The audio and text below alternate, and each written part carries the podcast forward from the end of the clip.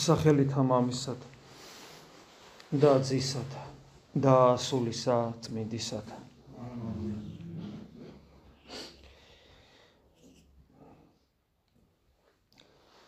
საერთოდ ადამიანს მან რო ღმერთი შეიცნოს ჭეშმარიტად მორწმუნე გახდეს ერთ-ერთი რასაც რაც ხელს უშლის რა თქმა უნდა ეს არის სიამაყე. სიამაყე ადამიანს ძალიან სასაცილო მდგომარეობაში ამყოფებს. ერთ-ერთი ყველაზე ძალიან ის რაშიც ვლინდება ეს არის სიცოცხლისადმი არაჯანსაღი დამოკიდებულება. და თუ ადამიანი მეტნაკლებად რელიგიურია მაშინ მას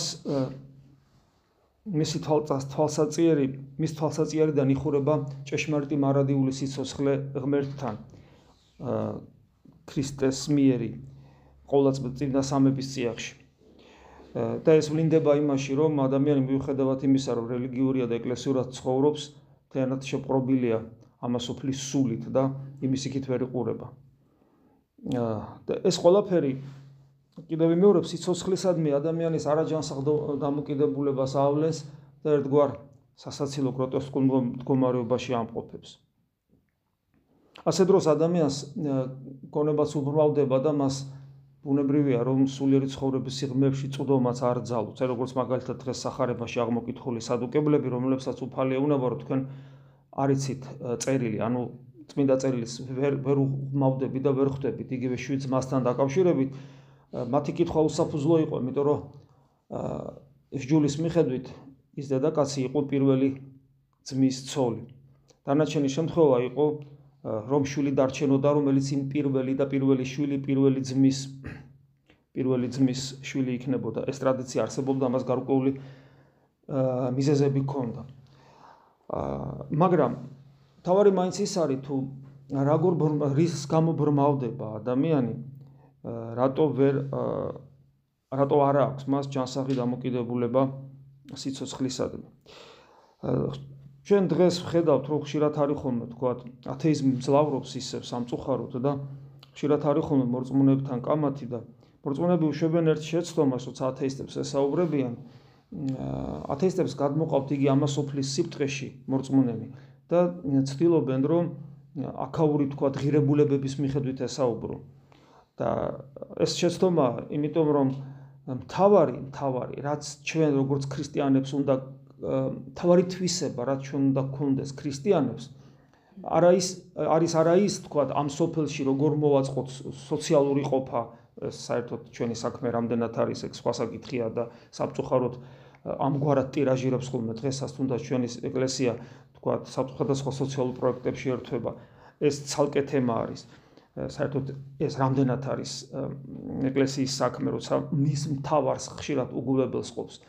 თქვათ, იგივე ისეთი ღირებულებები, როგორიც არის თქვათ, პიროვნულო პიროვნული პიროვნული თავისუფლება ადამიანის და ასე შემდეგ, უამრავი რამ არსებობს ამ ქვეყანაზე ღირებული პატრიოტული თემები და ასე შემდეგ და ჩვენ ხშირად სწორედ აი ამ სიფტყეში გადმოვყავართ. ამ ადამიანებს და მათთან პოლემიკაში ან მათგან თავს ვიცავთ რა, სწორედ ამ სიმწყეში ვართ და ვცდილობთ რომ წარმოვაჩინოთ თუ როგორი საჭირონი ვართ ჩვენ და როგორ სწორად გვესმის, თუ როგორ მოვაწყოთ ეს სოფელი რომ აქ სამოთხე იყოს. ეს არის არასწორი დამოკიდებულება სიცოცხლისადმი, როგორც მარადიული ღირებულებისადმი. ჩვენი პრობლემა სწორედ იმაში მდგომარეობს ამ დროს რომ ჩვენ ვერ ვაცნობიერებთ კიდევ ერთხელ ვიმეორებ რატომ რას ნიშნავს რომ ვართ ქრისტიანები? უპირველად და რაში უნდა ვლინდებოდეს? რომელ რომელ ღირებულებისადმი განსაკუთრებულ სიყვარულში უნდა ვლინდებოდეს ჩვენი ქრისტიანობა? ღმერთზე ავსაუბრობ თავისთავად ღმერთი უმაღლესი ღირებულება. ეს არის სიცოცხლე. სიცოცხლე იმიტომ რომ თუ სიცოცხლე მარადიული არ არის ყველაფერს ფასი ეკარგება და ძალიან სასაცილოა ხოლმე ადამიანები, სასაცილო ხდებიან ადამიანები, რომლებიც რომლებსაც არ წამთ მარადიული სიცოცხლის, ამ შემთხვევაში ათეისტებს გულისხმობ და საუბრობენ სხვადასხვა მიწიერ ღირებულებებზე, მიწიერი ცხოვრების, მიწიერი ცხოვრების წარმატებებზე. თან ძალიან ხშირად ამას აკეთებენ თავიანთი გონიერებისადმი სრული ნდობით და წარმოჩენით და ამ დროს ადამიანს ავიწყდება რომ სულ რაღაც რამდენიმე მოკლე ხანში, რამდენიმე წელიწადში, ან უკეთეს შემთხვევაში რამდენიმე ათეულ წელიწადში ადამიანისგან რამდენიმე კილოძულები ღარჩება და ბოლოს ისიც ხრება, რა აქვს ადამიანს ის ისეთი, რითაც მას შეუულია ტრაბახოს და აიკვეხნოს, რომელიც მას არ მიუღია ღვთისაგან, თუნდაც ამ ქვეყნიური ბიოლოგიური სიცოცხლე ანგონიერება და რომელიც არ წაერთმევა. ადამიანი და ჩვენ ამ დროს ჩვენთვის მთავარი არის ის, რომ ჩვენ უნდა გვიყვარდეს სიცოცხლე, სიცოცხლე მარადიული. სიცოცხლე მარადიული და ისტორიად დღევანდელ სამოციქულოში პეტრე მოციქულის პირველ ეპისტოლეში ვკითხულობთ, რომ ვისაც სიცოცხლე უყვარს და უყვარდეს, ვისაც უყვარს სიცოცხლე, ვისაც ძვირფასია სიცოცხლე პეტრე მოციქული ამბობს და მე ჩამოთulis როგორ უნდა ცხოვრობდეს. იქ პირველ რიგში თქვა ენას ასახილებს, რომ ენა როგორი უნდა იყოს დაწმენდილი და არ უნდა იყოს ესე იგი უგვანოთ მეტყველი. ასე შემდეგ ის ჩამოთulis სხვადასხვა სათნოებებს ადამიანისა, მაგრამ საბოლოო ჯამში ამბობს ყველაზე მთავარს და ყველაზე მნიშვნელოვანს. რომ გულში უნდა იყოს ერთადერთი სიწმინდე ერთადერთი სიწმინდე უნდა გქონდეს გულში ეს არის ჩვენი უფალი იესო ქრისტე. ღმერთი ერთადერთი სიწმინდე მხოლოდ იმ შემთხვევაშია ადამიან იმ შემთხვევაში შეიძლება ვთქვათ რომ ადამიანს უყვარს სიцоცხლე როდესაც მას ერთადერთი სიწმინდე ყავს განკაცებული ღმერთი იესო ქრისტე.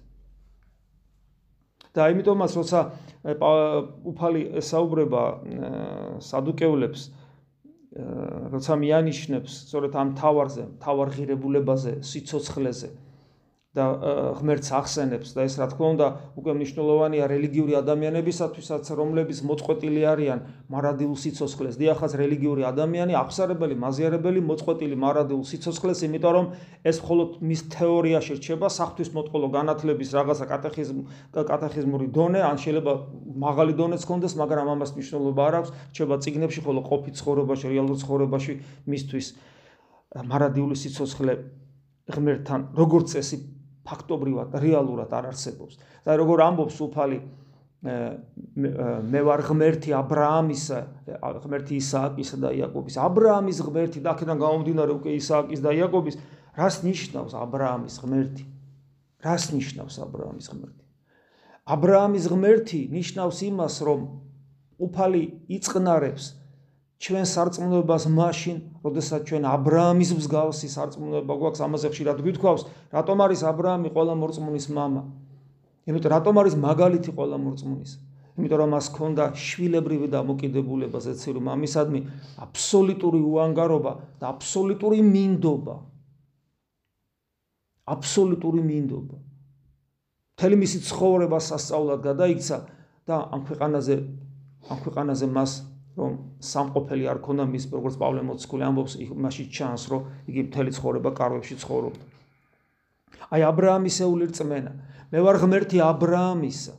და შემდეგ უფალი ამბობს რომ არ არის ღმერთი მკვდართა არამედ ცოცხალთა. დიახაც, თუ ჩვენ გვინდა რომ სიცოცხლე მართლა გვიყვარდეს ისე როგორც უნდა გვიყვარდეს.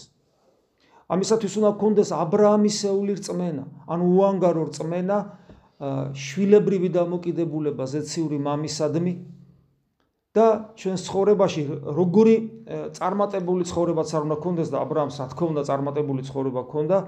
აბსოლუტური მინდობა ღმერთზე როგორც მან გამოავლინა თუნდაც ისააკთან მიმართებაში თავ შვილთან მიმართებაში და მუდამ ცხოვრება მარადისობისათვის რაც წეღანავს თქვი მის ყოფაში ვლინდებოდა როცა ეს კარავში ცხოვრობდა. ანუ მარადიული ღირებულება, რომელიც მის გულშია დამკვიდრებული და ეს არის ცოცხალი ღმერთი. ცოცხალი ღმერთი, ღმერთი ცოცხლებისა და აბრაამის დაერი მორწმუნე არის ცოცხალი. და თუ ჩვენ აბრაამის დაერი მორწმუნე არ ვართ, ჩვენ არა ვართ ცოცხალი და ღმერთი არ არის ჩვენ. მით უმეტეს ჩვენთვის ქრისტიანებისათვის რომლებსაც წამთ განკაცებული ღმერთი იესო ქრისტე, რომელმაც განგვიმზადა ადგილი ყოვლადწმინდა სამების სიახში, სადაც იგი მარჯვენით მამისა ზის, ჩვენთვის როგორც პეტრე მოციქულის სიტყვები წეგან ვახსენე სიცოცხლის სიყვარული უნდა ვლინდებოდეს იმაში რომ ღმერთი უნდა იყოს ჩვენთვის ერთადერთი სიწმინდე როგორც მამაო ჩვენოშიც ვამბობთ წმინდა იყავს სახელი შენ. ყველაფერი ყველაფერი სისავსე ჩვენი ღირებულებათა სისტემის არაფერი სხვა გარდა იესო ქრისტეს მაგრამ ეს ვერავითარ შემთხვევაში თეორიულად ვერ მიიღწევა სანამ ადამიანის ადამიანს არ ექნება განცდა უფლისა გულში რეალური განცდა უფლისა გულში მანამდე მისთვის შეუძლებელია ეს სიტყვები რეალობად იქცეს ხოლო ეს რომ მოხდეს კვლავ მივადექით ევქარისტიულ ცხოვრებას და გონიერ ლოცვას, რომლის გარეშე ეს აბსოლუტურად შეუძლებელია. და მარადიული სიცოცხლის შემოსვლა ჩვენში რეალურად ნიშნავს იმას, არა იმას, რომ მე ვიცი, რომ გარდავიცვლები მე ღმერთთან ვიქნები, ამას არ გულისხმობს. მარადიული სიცოცხლე ჩვენთან, მარადიული სიცოცხლის შემოსვლა ჩვენში და სიცოცხლე როგორც მარადიული ღირებულების ქონება, სიცოცხლე როგორც მარადიული ღირებულება რომ გვეპყრას, ეს ამაში იგულისხმება კიდევ მეორე პარა თეორიული ცოდნა იმისა რომ ადამიანი უკვდავია არამედ რეალური განცდა იმისა რომ სიკვდილი არ არსებობს და არსებობს გარდაცვალება რეალური განცდა იმისა რომ სიკვდილი არ არსებობს უფლის სიტყვების მიხედვით როცა იგი ამბობს რომ მისი მოყარე მისი მორწმუნე აღარასოდეს მოკვდება ის გარდაიცვლება სიკვდილისაგან სიცოცხლეში. ესეც გონიერი ლოცვით ისწავლება და ევხარისტიული ცხოვრება. თუ ესე არ მოხდა ჩვენს რეალურ ცხოვრებაში მაშინ შეუძლებელია განა იმიტომ რომ ჩვენ ცუდები ვართ ან განა იმიტომ რომ ჩვენ არ გვინდა ან განა იმიტომ რომ ჩვენ შეიძლება არ ვიბრძოლოთ უბრალოდ შეუძლებელი იქნება ჩვენში რეალიზდეს სულიერ ცხოვრება ისე რომ ერთადერთი სიწმინდე იყოს ცხოვრებაში ერთადერთი ღირებულება. იესო ქრისტე რომ არადილ სიცოცხლეს მუდამ განვიცდიდეთ ჩვენ გულში ცხოვრობდეთ და ზეცის მოქალაქენი ვიყოთ. და ჭეშმარიტად ნამდვილად გვიყვარდეს სიცოცხლე ისე როგორც უნდა გვიყვარდეს. შეუძლებელი იქნება ამის რეალიზება ჩვენი რესურსით და ჩვენი ძალებით. ამიტომაც ამბობს უფალი. თუ ეს ყველაფერი სასუფეველია, ამიტომაც ამბობს უფალი, რომ ადამიანს არ შეუძლია, შეუძლებელი ადამიანისათვის სასუფეველში მყოფობა. ამიტომ ერთადერთი რაც ჩვენ დაგჩენია, ეს არის არა უბრალოდ ნებისყოფითი და სათნოებითი და ზნეობრივი ცხოვრება.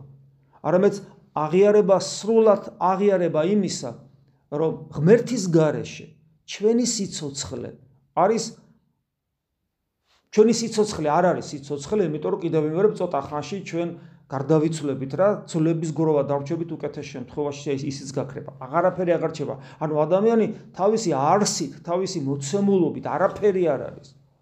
აბსოლუტური არარაობა ადამიანი, აბსოლუტური არარა, იმიტომ რომ ეგრე შექმნა ღმერთმა არაფრისაგან შექმნა სამყარო. ამიტომ ნებისმიერი ჩვენი ამბიცია გამოვლენილი მოყვასთან ურთიერთობაში, ზოგადად საკუთარ თავთან მიმართებაში ღმერთთან ურთიერთობაში ტკბობა რაღაც სიტკბოებით წარმატებით ცოდნით რაღაცა ნიჭიერებით და აღარ ვლაპარაკობ რაღაც ძირითადად დავიწყე სიამაყით და ამბიციებით უბრალოდ სასაცილო მდგომარეობაში ვამყოფებს ადამიანი არაფერს არ წარმოადგენს და ყველაფერს წარმოადგენს, როდესაც ის ღმერთს გულს გაუგებს. ანუ ღმერთს წარმოადგენს, თუ ღმერთს გულს გაუხსნის, ხოლო თუ ღმერთს გულს არ გაუხსნის, იგი არაფერს არ წარმოადგენს. ცხოველზე უარესია, იმიტომ რომ ცხოველი სასაცილო არ არის, ადამიანი სასაცილო ხდება. ხოლო ღმერთს რო ღმერთი რო ჩვენს გულში შემოვიდეს, არ ჩვენი მარხვა, არ ჩვენი ღვაწლი, არ ჩვენი ღამეების კატეხვა, არაფერს არ ნიშნავს, არაფერს არ ნიშნავს. ერთ-ერთი რასაც რაც არის ყველაზე მთავარი ამ დროს, გააზრება საკუთარი თავისა, რასაც სიმდაბლე ქვია. საკუთარი არარაობის შეგძნება, გულის გახსნა ღმერთისათვის ამით სიმდაბლით და სიმდაბლეში შემოდის ღმერთი. იესო ქრისტე არის მხსნელი ცოდვისგან. ცოდვილობა არის ჩვენი აბსოლუტური არარაობა. მაგას ნიშნავს, როცა ჩვენ უნარო უნარონი ვართ ღმერთთან ურთიერთობისათვის, ეს არის ცოდვილობა ზუსტად, როცა ადამიანი ამას ხედავს, იგი ჭეშმარიტად მოუხმობს იესოს ქრისტეს როგორც მხსნელს. მხოლოდ ამ შემთხვევაში ცოცხლდება ჩვენი სიტყვები უფალო იესო ქრისტე შემიწყალემე და ჩვენი გული ამ დროს მზად არის იმისათვის, რომ ღმერთი შეიწყნაროს, ღმერთი შემოდის და ჩვენ ხვდებით ყველაფერნი.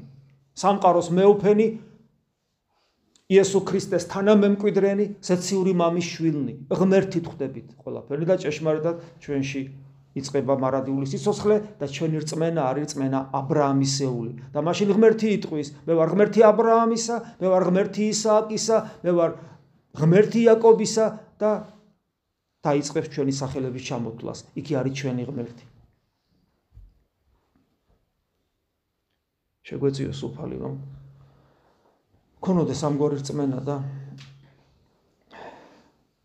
გვებძოლოს საკუთარი თავის დამდაბლებისათვის და ამის ფონზე უკვე გონიერი ლოცვის სწავლისა და ევქარისტიული ცხოვრებისათვის ამინ. მადლი უფლისა ჩვენისა იესო ქრისტეს და სიყვარული ღვთისა და მამისა და ზიარება სული საწმინდისა იყოს თქვენ ყოველთა თანა. ამინ.